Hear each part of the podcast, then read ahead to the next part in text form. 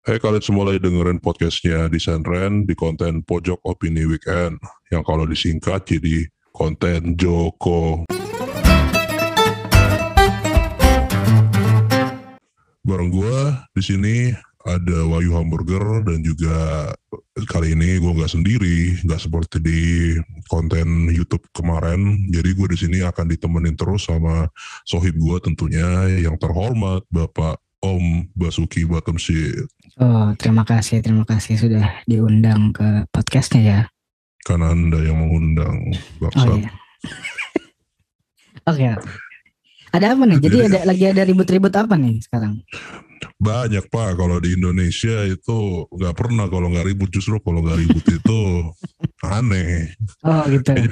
Kayaknya kalau kalau Indonesia nggak ribut itu itu salah satu pertanda kiamat sih. Cuma tanda-tanda kiamat itu lupa tertulis mungkin di kitab-kitab suci. I see, I see. Oke. Soalnya gini, apa namanya? eh tiap hari tuh gua kalau misalnya lihat sosial media gitu kan, Hmm. hari ini ada ribut A, B, C kayak kemarin ada bapak-bapak gitu, bapak-bapak yang eh, jiwa gulaknya itu tinggi banget. Terus Apa? ada nggak lama ada konten sepeda lagi, pas gue tidur eh ada lagi ribut-ribut apa gitu. Indonesia ini nggak bisa lepas dari yang namanya rusuh-rusuh Kayak nggak habis-habis gitu ya.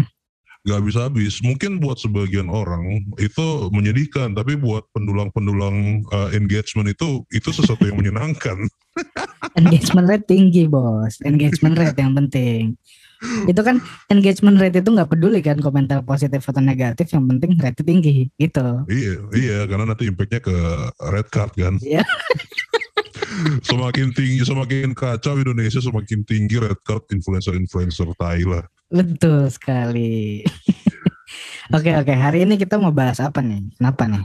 Uh, sebentar, tapi tadi kan uh, saya sempat bahas itu kan, uh, yang bapak-bapak, bapak-bapak motivator itu. Sebenarnya Hmm. uh, memang memang kemarin uh, kita di Desain Red sempat ngebahas juga tentang si om-om itu, si Hmm. bapak-bapak itu, tapi uh, ternyata setelah saya pikir-pikir, ya ngapain juga sih dibahas si si bapak itu gitu karena memang memang sebelumnya eh, apa namanya saya udah sempat download aplikasinya gitu dan eh, udah beberapa halaman yang yang udah saya review dan Hmm. sebenarnya kalau ikut ikutin apa namanya eh, guideline-nya desain Ren itu bakal jadi konten YouTube sebenarnya cuma setelah saya pikir-pikir nggak usah lah Karena Jadi Pak. ngeramein lagi ntar kan? Ngapain? Iya benar. Itu yang pertama ngeramein dia, yang kedua, hmm, ya pada dasarnya beliau itu motivator sih dan menurut saya ya eh, satu-satunya cara untuk menghadapi seorang motivator itu ya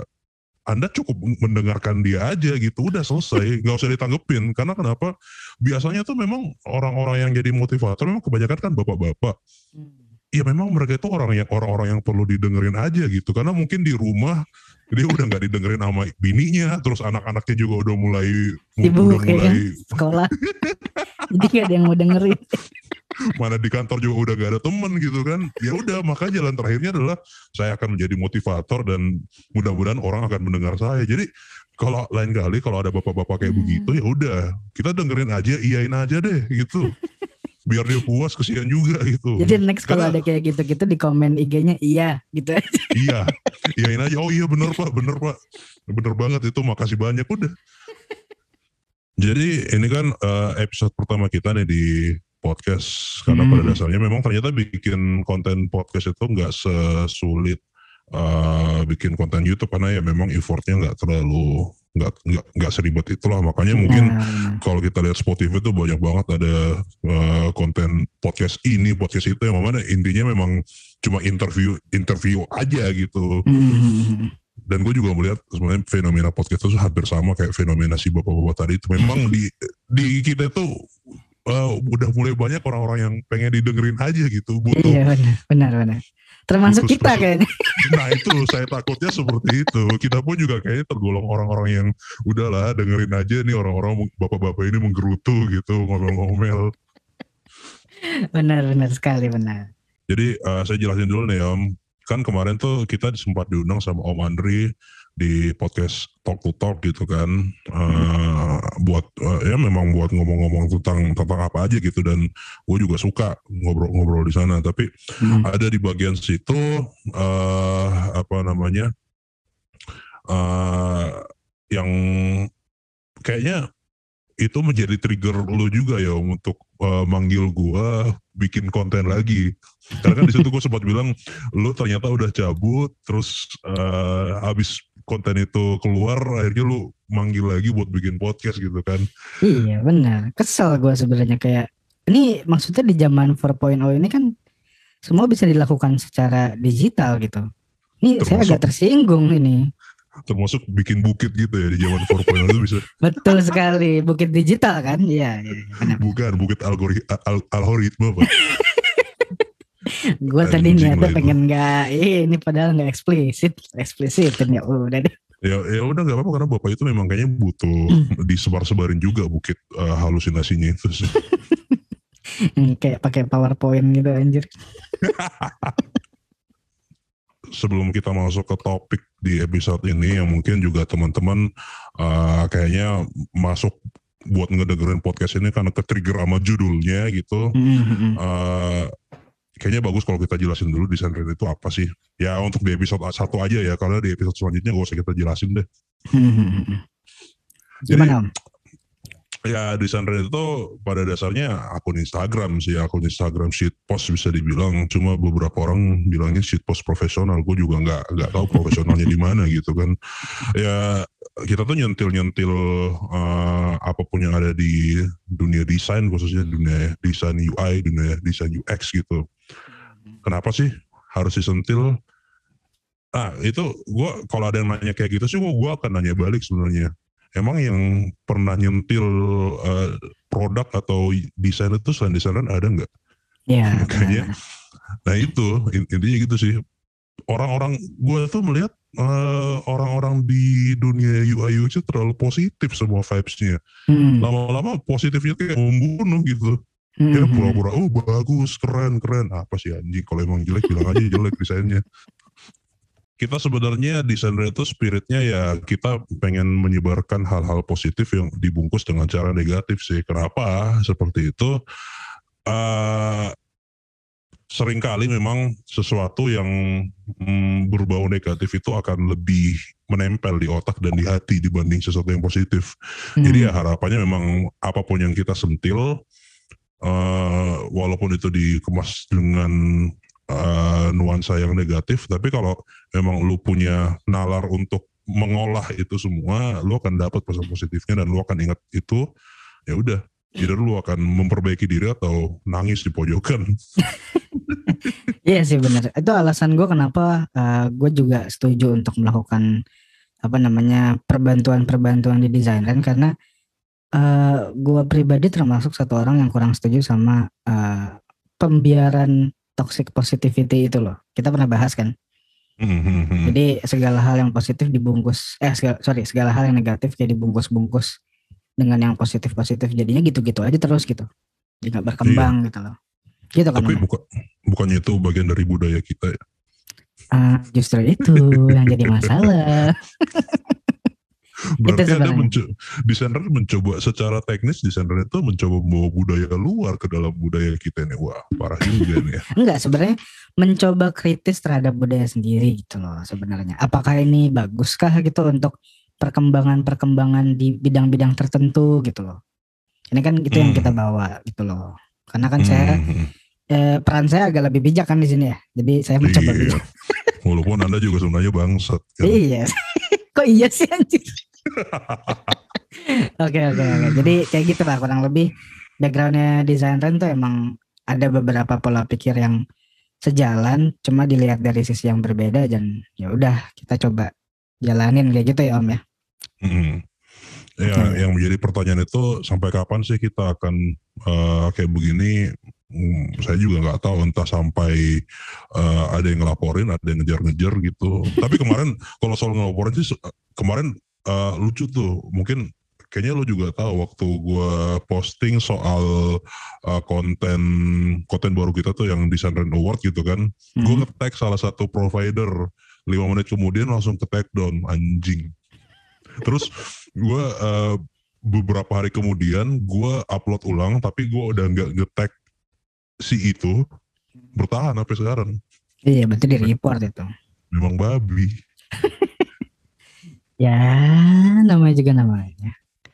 Ya udahlah gimana nih? uh, apa namanya kayak yang kayak yang gue bilang tadi uh, toxic kayak bukan gue yang bilang lu yang bilang ya toxic positif iya toxic positivity. Hmm. uh, sebenarnya itu ada hubungannya dan erat banget hubungannya sama uh, topik kita hari ini. Jadi hmm. topik kita hari ini itu adalah uh, sesuatu yang keluar dari pikiran saya pada saat saya berak beberapa minggu yang lalu tepatnya hmm. mungkin tiga minggu yang lalu. Jadi spesifik uh, sekali ya? ya kan tepatnya tadi. Oh ya tepat baik. Jadi menurut saya grup UI UX itu nggak ada gunanya. Hmm. Kontroversial ya. Mm -mm. Ya tentu saja buat engagement bos.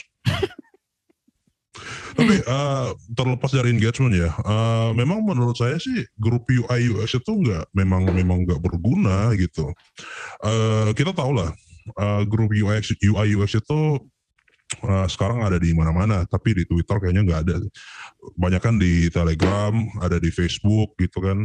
Dan uh, jauh sebelum desainer itu ada saya juga udah ngikutin ke beberapa grup UI UX dan memang kesimpulan yang saya ambil memang seperti itu bahwa grup UI UX yang ada sekarang itu nggak ada gunanya sih memang nggak berguna.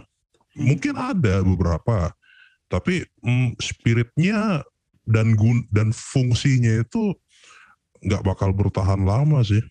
Ngomongin soal fungsi nih, coba ya ngomongin soal fungsi. Sebenarnya fungsi-fungsi apa sih yang harus dimiliki satu komunitas gitu? Ini in general ya sebenarnya. Hmm. hmm. Coba kalau dari lo apa aja sih gitu? Oke, kalau kalau menurut gue sih sebuah komunitas itu ada tem, uh, tempat sharing-sharing gitu kan, terus cari informasi uh, ya. Iya, mencari mencari informasi atau misalnya uh, apa namanya ya ya gitu-gitu sih tempat kayak troubleshoot juga gak sih? Misalnya punya masalah yes, terus kita uh, di komunitas gitu-gitu kan. Sebenarnya untuk troubleshoot uh, untuk self development juga gak sih sebenarnya iya benar benar karena pada intinya memang uh, komunitas itu kan ya apalagi kalau misalnya lu memang sering ikut-ikut kegiatan komunitas kan biasa itu ada di ADART atau visi misinya ingin hmm. meningkatkan bla bla bla bla bla Hmm. Tapi gue nggak melihat hal, hal itu sih di uh, apa namanya grup UI UX yang kebanyakan ya. Kebanyakan. Nah. Hmm. Ini yang lo lihat tuh berarti kayak gimana sebenarnya? Uh, sebenarnya ada satu fungsi lagi sih, satu fungsi uh, yang nggak seharusnya ada tapi ternyata malah menonjol gitu di beberapa grup UI UX. Nih. Nah, itu adalah panggung untuk menggurui dan panggung untuk uh, mencari personal branding atau personal engagement yang mana akhirnya akan mengarah ke superstar lagi. Memang gue dari dulu itu suka hmm. suka gatel-gatel gue kalau dengar superstar startup. Gini, lu lu uh, konyol nggak sih lu menur, uh, menurut lu nih ya? ada seseorang yang entah dia uh, menobatkan dirinya atau dinobatkan orang lain bahwa dia itu adalah superstar di hmm. sebuah perusahaan gitu. Kayaknya dari dulu tuh gue nggak pernah dengar ada superstarnya Pertamina, superstarnya Bank Mandiri. Nggak pernah gue denger. Udah pada pensiun kali. eh, mungkin kalau misalnya superstarnya Pertamina kalau zaman sekarang ya Pak Ahok kali ya. Oh benar juga tuh. Iya, iya, iya Tapi maksud gue gini loh, uh, apa namanya segala sesuatu hal yang yang mengarah ke superstar superstar itu karena gue juga uh, dulu beberapa kali uh, ikut kegiatan offline-nya si komunitas beberapa komunitas gitu kan gue gak hmm. spesifik ke satu komunitas ya uh, ya memang itu adalah sebuah panggung sih panggung yang gemerlap sih Mm-hmm. Uh, ya spotlight ada di situ dan mm, lo hanya membicarakan sesuatu yang bisa gue lihat di internet. Lo nggak membicarakan uh, apa yang benar-benar terjadi ke di keseharian lo sebagai uh, orang-orang desain gitu yang mana audiens lo ini adalah orang-orang bisa dibilang kebanyakan dari orang-orang yang baru mau tahu gitu. Tapi Hmm.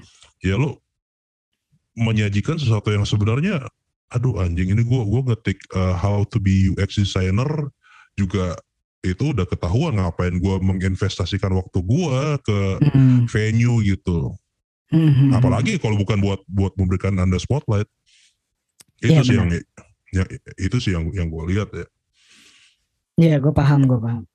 Maksudnya ketika berbicara tentang komunitas dan fungsi-fungsinya, seharusnya ada perbedaan tersendiri ketika eh lo masuk komunitas dan lo benar-benar ngobrol sama orang-orang yang superstar tadi, terus lo dapet Mm-mm. kayak ilmu secara praktikalnya gitu, maksud lo gitu? Mm-mm.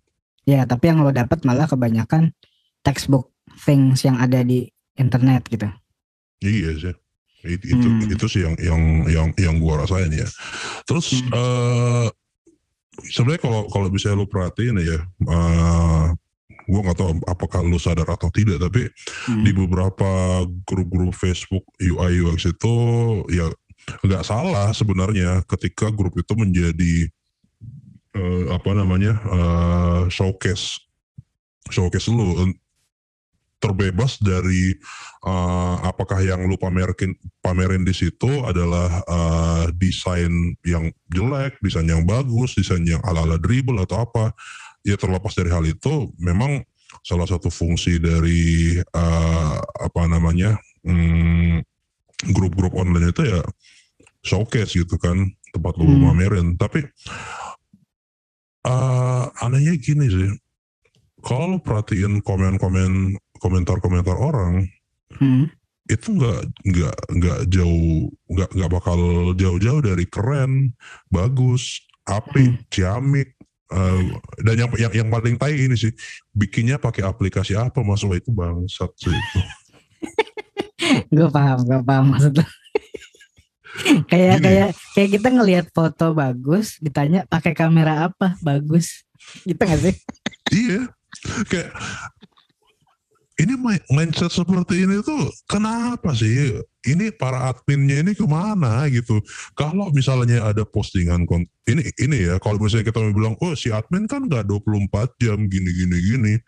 Tapi Hmm. masalahnya kalau ada postingan kontroversial ada sesuatu yang rame admin admin pasti hadir di situ. Tapi eh, nalarnya admin ke mana sih ini Hmm. ketika dia melihat yang seperti apakah di mata si admin-adminnya ini ini bukan masalah apakah ini bukan peluang untuk eh lo mendeliver visi dan misi lo untuk meningkatkan kualitas lalalala yang tadi lo bilang itu sebenarnya I see, I Dan- see. ketika lo merasa eh apa namanya hal ini baik-baik aja berarti memang komunitas lo itu nggak nggak baik-baik aja sih Nah kalau kayak gitu sebenarnya masalahnya itu ada di grupnya, ada di pola pikir orang-orangnya, yang sebenarnya itu karena budaya juga. Soalnya eh gue juga misalnya masuk nih ke apa ya, misalnya kayak grup Facebook tentang burung misalnya.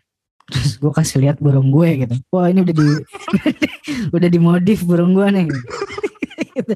Maksudnya mereka akan ngeliat nih, wah bagus atau apa segala macam gitu-gitu. Kalau misalnya Burung Eh, bapak bagus iya kayak gitu-gitu lu bayangin deh bapak sesama bapak-bapak komentarnya kayak gitu pak burung bapak bagus boleh saya lihat lagi gak foto dari samping burungnya pak Ini aerodinamis ya burungnya. ya nggak. maksud gue itu itu uh, emang jadi sebuah apa ya? Jadi sebuah ini gak sih budaya juga yang ketika gimana ya jelasinnya? Ketika misalnya mereka memposting sesuatu di satu grup itu ya, itu sebenarnya karena mereka mau pamer aja gitu. Bahwa gue tuh bisa ini, gue tuh punya ini. Itu yang terjadi di beberapa grup lain yang di luar dari grup UI UX yang gua nggak tahu dalamnya kayak gimana ya. Nah tapi ada nggak sih itu kemungkinan terjadi juga yang lo pernah lihat gitu di grup UI UX bahwa ya ini kerjaan gua ini atau apa segala. Ada juga nggak kayak gitu? Ya sebenarnya sih kayak yang gue bilang tadi ya eh, kalau orang yang eh, memajang karyanya atau mema- memajang kerjanya di situ untuk pamer itu nggak nggak salah sih sebenarnya karena eh, ya memang salah satu fungsinya seperti itu kan. Cuma eh, yang menjadi masalah itu ketika ini di di di, di mata desainer ya di di mata desainer tuh lo tahu bahwa uh, orang ini tuh memang uh, apa yang dikerjain sama dia si uploader ini ya apa yang dikerjain sama dia itu sebenarnya ada celah untuk bisa diimprove ada celah untuk bisa lo komentarin ada celah untuk uh, bisa lo kasih kritik. Hmm. uh, di sini pun juga uh, gue paham bahwa nggak semua orang itu bisa memberikan kritik seperti apa yang desain Ren uh, sajikan gitu kan. Uh, karena balik lagi ini, ini juga menjadi satu permasalahan sih karena uh, mungkin banyak orang juga ragu untuk memberikan kritik yang pedas karena uh, in general orang-orang itu hanya akan mendengarkan kritik ketika kritik itu diberikan diberikan oleh siapa, bukan apa kritik yang dilihat. Ya, benar. Tapi itu nanti itu itu itu nanti uh, balik lagi apa namanya uh, ya lu lu bisa melihat peluang uh, apa namanya di situ lu bisa mendengarkan kritik entah dengan cara ca, cara lu menyampaikan kritik atau komentar itu seperti apa tapi ketika lu uh, melihat peluang itu dan lu nggak mengambil peluang itu untuk uh, improve satu sama lain, mm. menurut gua ya lu kacau.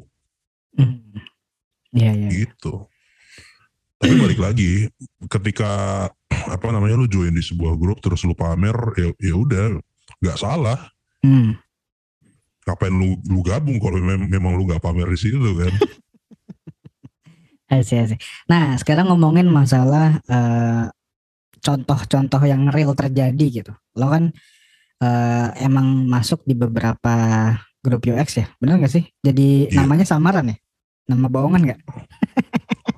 uh, ya ada lah pokoknya. Ya. ya ada pokoknya. Oke, okay, lo kan uh, memperhatikan gitu beberapa grup-grup UI dan UX itu. Uh, lo melihat gak sih hal-hal yang aneh gitu di situ dan bisa kasih tahu ke gue nggak gimana? Banyak banget om. Jadi uh, apa namanya sekarang kan ini bisa dibilang jauh lagi field UI dan UX itu lagi ada di puncak-puncaknya gitu kan dan hmm. banyak orang-orang apalagi yang uh, latar belakangnya ada adalah desain grafis itu mereka udah mulai belajar buat uh, switching ke UI atau ya banyak banyak ke UI sih. Hmm. Uh, nah sampai di sini pun juga itu sebenarnya uh, misalnya lu sebagai uh, kepala sebuah komunitas, lu sebagai kepala sukunya itu itu adalah sebuah peluang buat lu untuk menyebarkan ilmu-ilmu baru gitu kan. Hmm. Nah dari dari situ pun juga banyak orang yang baru belajar, banyak orang yang uh, apa namanya masih belum mengerti fundamentalnya seperti apa, hmm. dan uh, segala sesuatu itu langsung dieksekut ke dalam bentuk visual uh, yang mana itu gue nggak bisa menyalahkan hal itu juga terserah setiap orang cara belajarnya berbeda gitu kan hmm. uh, yang pasti ketika hal itu terjadi ya lu tahu sendiri bahwa peluang untuk uh, dalam tanda kutip menegur atau mungkin memberikan kritik dari karya-karya yang diupload oleh orang-orang baru itu pasti ada tapi hmm. ketika lo hmm, gini deh, gue buka di LinkedIn. Jadi beberapa minggu yang lalu sebelum si e-commerce LinkedIn-nya di suspend, hmm. jadi ketika ya, si Murs itu dari suspend, gue juga ah udah udah malas di LinkedIn. Kayaknya memang uh, toxic positivity-nya udah gak bisa diobatin dari situ. Iya tapi waktu gue masuk ke gue bikin akun LinkedIn di situ gue uh, juga akhirnya banyak yang add teman-teman di sana juga banyak yang nggak add terus banyak uh, ya, akhirnya feed gue juga banyak pertebaran UI UI desain desain UI orang. Ada tuh satu yang gue kritik tentang apa namanya aplikasi bikinannya dia desain desainnya dia uh, tentang cryptocurrency gitu. Mm -hmm sebelum gue masuk gue lihat komen-komennya di situ keren cakep mas iya gini gini dan yang komen itu uh, bisa ya namanya juga LinkedIn kan tempat orang pamer jabatan di situ iya benar-benar dan pamer ya, X X mana Iya itu itu itu anjing yang uh, apa ya tai another tai lah itu. Iya itu nanti Mungkin, kita bahas tempat lain. iya suatu hari bisa kita bahas. Bisa ya. bisa terus. Apa namanya? Uh, ya gue lihat sendiri di situ yang komen-komen ya ada beberapa yang bukan bukan junior gitu kan ya Hmm. mid senior ada. Ya, tapi komennya juga bagus keren apik. Oh ini critical thinkingnya di mana sih? Entah memang critical thinkingnya tidak ada atau ya nggak mau aja gitu uh, memberikan apa namanya komentar yang konstruktif. Jadi maka dari itu gue bilang ya ngapain juga lu ada di grup UI UX sebenarnya Hmm. mendingan kalau lu liat grup UI UX, UI UX kayak gitu lu cabut aja lah nggak usah Lu- lu Dong. ada di situ juga cap- capek Iya ya. Atau mungkin sebenarnya si uh, orang-orang dengan level tertentu itu sebenarnya cuma mau meninggalkan jejak aja gitu. Jadi dia ninggalin jejak, tapi habis itu si yang punya postnya ini ngerasa kayak, wih, yang bikin keren tuh si posisi ini di perusahaan ini loh gitu.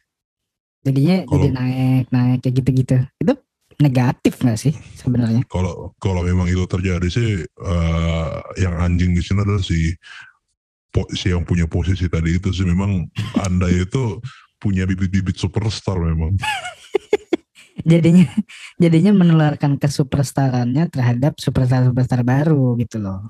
Iya dan gua gua nangkepnya kayak kalau seandainya beneran hal itu ada ya ada orang yang punya pemikiran kayak lu tadi Hmm. itu eh lu merasa benar-benar aduh gua kalau ninggalin jejak di sini pasti orang bakal terseki, terkesima dan terkencing-kencing melihat gua komen itu bangsat sih orang kayak begitu Iya.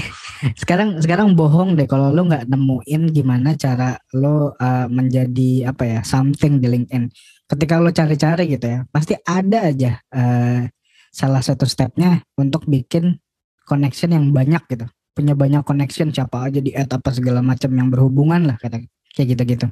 Terus ninggalin jejak atau apa segala macam itu pasti ada-ada aja tuh saran-saran yang kayak gitu. Jadi menurut gua kalau gua berpikirnya model kayak gitu yang ninggalin jejak terus apa namanya reshare orang apa segala macam bla bla bla ya itu akan nular juga gitu ke bawah-bawahnya Mm-mm. nangkep gak sih Iya pada eh, pada dasarnya orang-orang yang di bawah juga akan melihat wah yang dilakukan si eh, Johan ini si superstar Johan ini adalah eh, ternyata nice move ya. Gua akan Hmm. mencoba melakukan apa yang Johan lakukan sehingga akan ada Johan-Johan tai yang lain gitu kan. Hmm, hmm, hmm.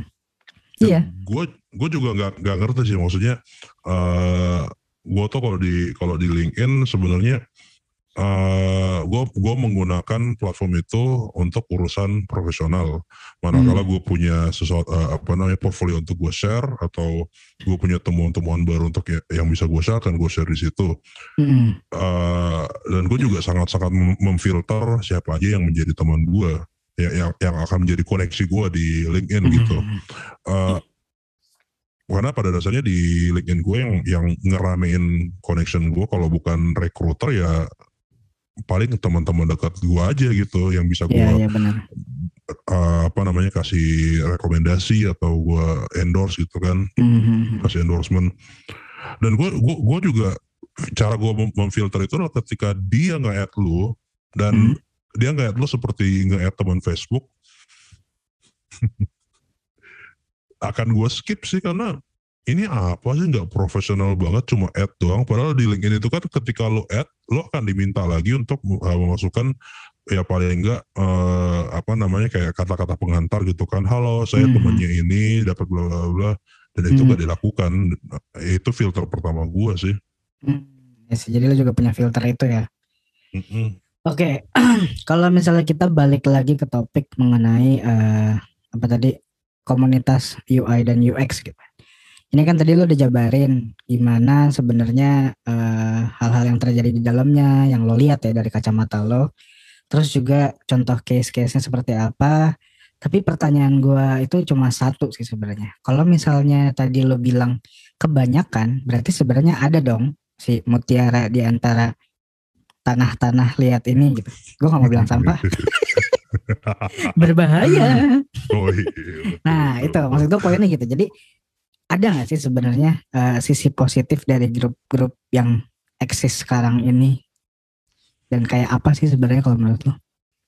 Hmm, sampai saat ini bentar gue coba lihat eh, mana ya Eh, oh iya Jadi mungkin di uh, kalangan UX atau UI designer itu ada satu organisasi sih bisa dibilang organisasi internasional gitu uh, namanya IDF Inter Interaction Design Foundation yang mana si IDF hmm. ini uh, itu dia punya masing-masing country community-nya lagi gitu kan salah satunya mm -hmm. di Indonesia. Nah mm -hmm. menurut gue sih uh, ini komunitas resminya ya komunitas resminya IDF itu uh, apa namanya jauh dari kategori uh, grup UI UX yang nggak berguna sih menurut gue karena hmm. uh, sejauh gue bergabung di sana gue nggak pernah melihat ada uh, seseorang yang menon yang lebih menonjol dibanding yang lain dari segi uh, spotlight uh, apa namanya menjadi seorang superstar. Gak ada sih. Gue sih malah melihat orang-orang yang lebih di atas lebih senior itu memang mereka memposisikan diri sebagai seorang mentor hmm, hmm. benar-benar apa ya? Uh, menjadi seorang mentor bukan menjadi seorang motivator gitu. Pernah lah pernah. Uh, eh, gue ada di sebuah uh, apa namanya kegiatan offline sebuah grup UI UX gitu kan. Benar-benar template motivator banget sih itu uh, apa namanya topik yang dibawain sama dia. Eh, jadi kalau misalnya uh, copywriting eh bukan. Jadi kalau misalnya untuk UI UX yang paling eh, untuk UX jadi yang paling pertama itu kita adalah problem solve eh anjing. Itu kan juga ya gue baca di internet sih juga bisa gue bisa tahu problem solve itu cuma maksudnya give me some uh, contoh yang konkret gitu. Lu hmm. problem solve lu di kantor lu bagaimana? Misalnya anggaplah lu yeah. ngaku kerjanya di Spotify. Selama ini kalau Spotify apa sih problem yang lu ini jangan-jangan lu di kantor juga jadi kacung gitu. Kebetulan aja lu bikin komunitas ini, nama lu gede di komunitas ini karena di kantor nama lu gak ada, orang juga nggak mau ngajakin lu makan siang. Jadi lu bikin komunitas ini ya udah lu hmm. bicaranya template kayak gitu. Tapi gue nggak pernah menemukan hal itu sih selama gue bergabung di uh, apa namanya grup IDF itu ya. Atau uh, mungkin sebenarnya itu gara-gara kultur yang tadi gue omongin. Bisa nggak sih? Kalau kita kita ngomongin IDF itu mereka biasa di mana sih? Uh, IDF kalau uh, di Denmark. Oh di Denmark. Ya misalnya hmm. uh, culture-nya orang-orang Eropa sama Amerika gitu-gitu mereka tapi emang enggak, lebih menghargai nggak sih kayak ke bawahnya itu? Mungkin, tapi uh, kalau kita bicara dalam dalam konteks grup di dalam grup IDF Indonesia itu memang nggak ada orang Denmark pak. Oh ini gabungnya di IDF Indonesia-nya. Iya. Tapi ada kayak country apa tadi? Country manajernya gitu lah di. Country manajernya itu orang hmm, Indo. Orang orang Indonesia. Yang dia ngambil uh, ideologi dan segala macam dari internasional kan? Uh, eh, gue nggak tahu sih, cuma yang saya tahu gue country manager itu entah memang dia kayaknya memang dia ditunjuk ditunjuk langsung sih dari uh, eh, IDF-nya untuk ber, uh, apa namanya bertanggung jawab atas komunitas ini. Hmm, Tapi I see, I see, I see. Uh, ini nggak cuma ngomongin soal si country manajernya doang ya, tapi hmm. in general orang-orang di dalam situ yang mana terdiri dari uh, senior, ya ada yang lebih senior dibanding gue juga ada uh, junior pun juga jauh lebih banyak. Itu hmm, benar-benar konstruktif sih. Nah sekarang sekarang coba coba kita pikir baik-baik ya. Di Indonesia orang yang berkecimpung di dunia desain UI dan UX dan segala macam lah. Misalnya ada dua atau tiga uh, komunitas yang berbeda. Itu kan kemungkinan mereka untuk gabung di dua dan tiga komunitas yang sama itu kan tinggi kan bisa aja sebenarnya hmm. dia ikut juga di IDF tapi dia ikut juga di misalnya komunitas lain komunitas A dan B gitu tapi hmm. sebenarnya uh, behaviornya si orang tersebut akan berbeda ketika dia lagi apa ya masuk di yang IDF dan komunitas A atau B itu make sense gak kalau kayak gitu? Iya make sense sih uh, bisa saja karena kan uh, sering terjadi action kita itu dipengaruhi oleh kita apa namanya gitu ya? suara yang mendominasi gitu kan. Oh, iya, iya. Contohnya ketika lu pintar dan lu berada di lingkungan orang tolol, ya lu untuk bisa diterima lu harus jadi tolol sih. Hmm, I see, I see. ya lo lo harus menurunkan apa namanya uh, kapasitas lo agar agar lo bisa sedikit lebih diterima di sebuah komunitas sih. Uh, cuma dari uh, beberapa orang yang gue tahu ya, beberapa orang yang gue kenal juga, kayak yang gue bilang tadi, Hmm. opini itu akan lebih dihargai ketika opini itu disampaikan oleh siapa. Iya. Ada ada beberapa orang yang yang menurut gue juga kritisnya itu juga, aduh, kritisnya perlu diapresiasi sih sebenarnya. Hmm. Semangat destruktifnya juga nggak kalah destruktif dibanding kita, walaupun sebenarnya dia uh, positif gitu. Hmm. Tapi banyak juga musuhnya pak, Hmm. Musuhnya juga banyak gitu. Ya karena opini itu disampaikan oleh si orang ini. Coba Oh, kalau misalnya apa namanya opini ini disampaikan oleh si superstar apa gitu, ya pasti orang bakal standing applause. Memang anjing. Itu eh, apa namanya? Lumrah sih itu tapi ya. ah, Itu Image. tadi, Mm. IDF sama ada satu lagi sih eh, desain gem juga itu kalau kalau gue bilang eh gue gua lumayan lumayan aktif lah di situ sampai anak eh, apa namanya eh beberapa kali juga gue sedikit ngeba, apa namanya ngebacot di situ Mm. Hmm, so far yang gue lihat kalau di grup desain gem, aduh, keren sih. Hmm. Maksudnya gini, uh, bisa dibilang kedua grup ini karena gue bergabung di antara banyak grup yang mungkin gue yakin banyak grup lagi yang lebih bagus komunitas yang sama bagusnya gitu. Cuma Hmm. gue ada di tengah-tengah dua grup ini. eh mereka itu versi pembaruan dari grup UI UX yang udah ada belakangan-belakangan gitu. Ya, Karena Hmm. yang, yang yang mungkin yang, yang lama itu udah, udah terlanjur apa ya? Gue nggak tahu udah udah terlanjur Amburadul. amburadul atau mungkin eh, exposure-nya udah cukup dirasa udah cukup gitu atau apa gitu gue terserah tapi Oh, sure. eh ini benar-benar eh, apa namanya semangat saling saling eh, mengimprove satu sama lainnya tuh berasa banget di dua komunitas yang gue contohin tadi Hmm. I see, I see. Dan gak ada artis juga sebenarnya itu sih eh, menurut gue ya Nggak ada yang artis kan, nggak ada yang artis gitu ya. ah-ah. kalau Oke. kalau artis sih mungkin maksudnya yang memang ya udahlah ter- eh, udah terlanjur namanya gede ya nggak masalah juga sih. Kita nggak bisa menyalahkan hal itu. Tapi yang men- yang menjadi kanker itu adalah ketika seseorang itu udah belajar ngartis. Iya benar benar benar. nah itu udah eh, siap-siap aja. Cabut aja dulu kankernya sebelum stadium 4 sih gua. Oke oke oke. Eh, sekarang coba gue mau bahas mengenai grup grup atau komunitas tersebut itu yang ideal di mata lo tuh yang kayak gimana sebenarnya sih?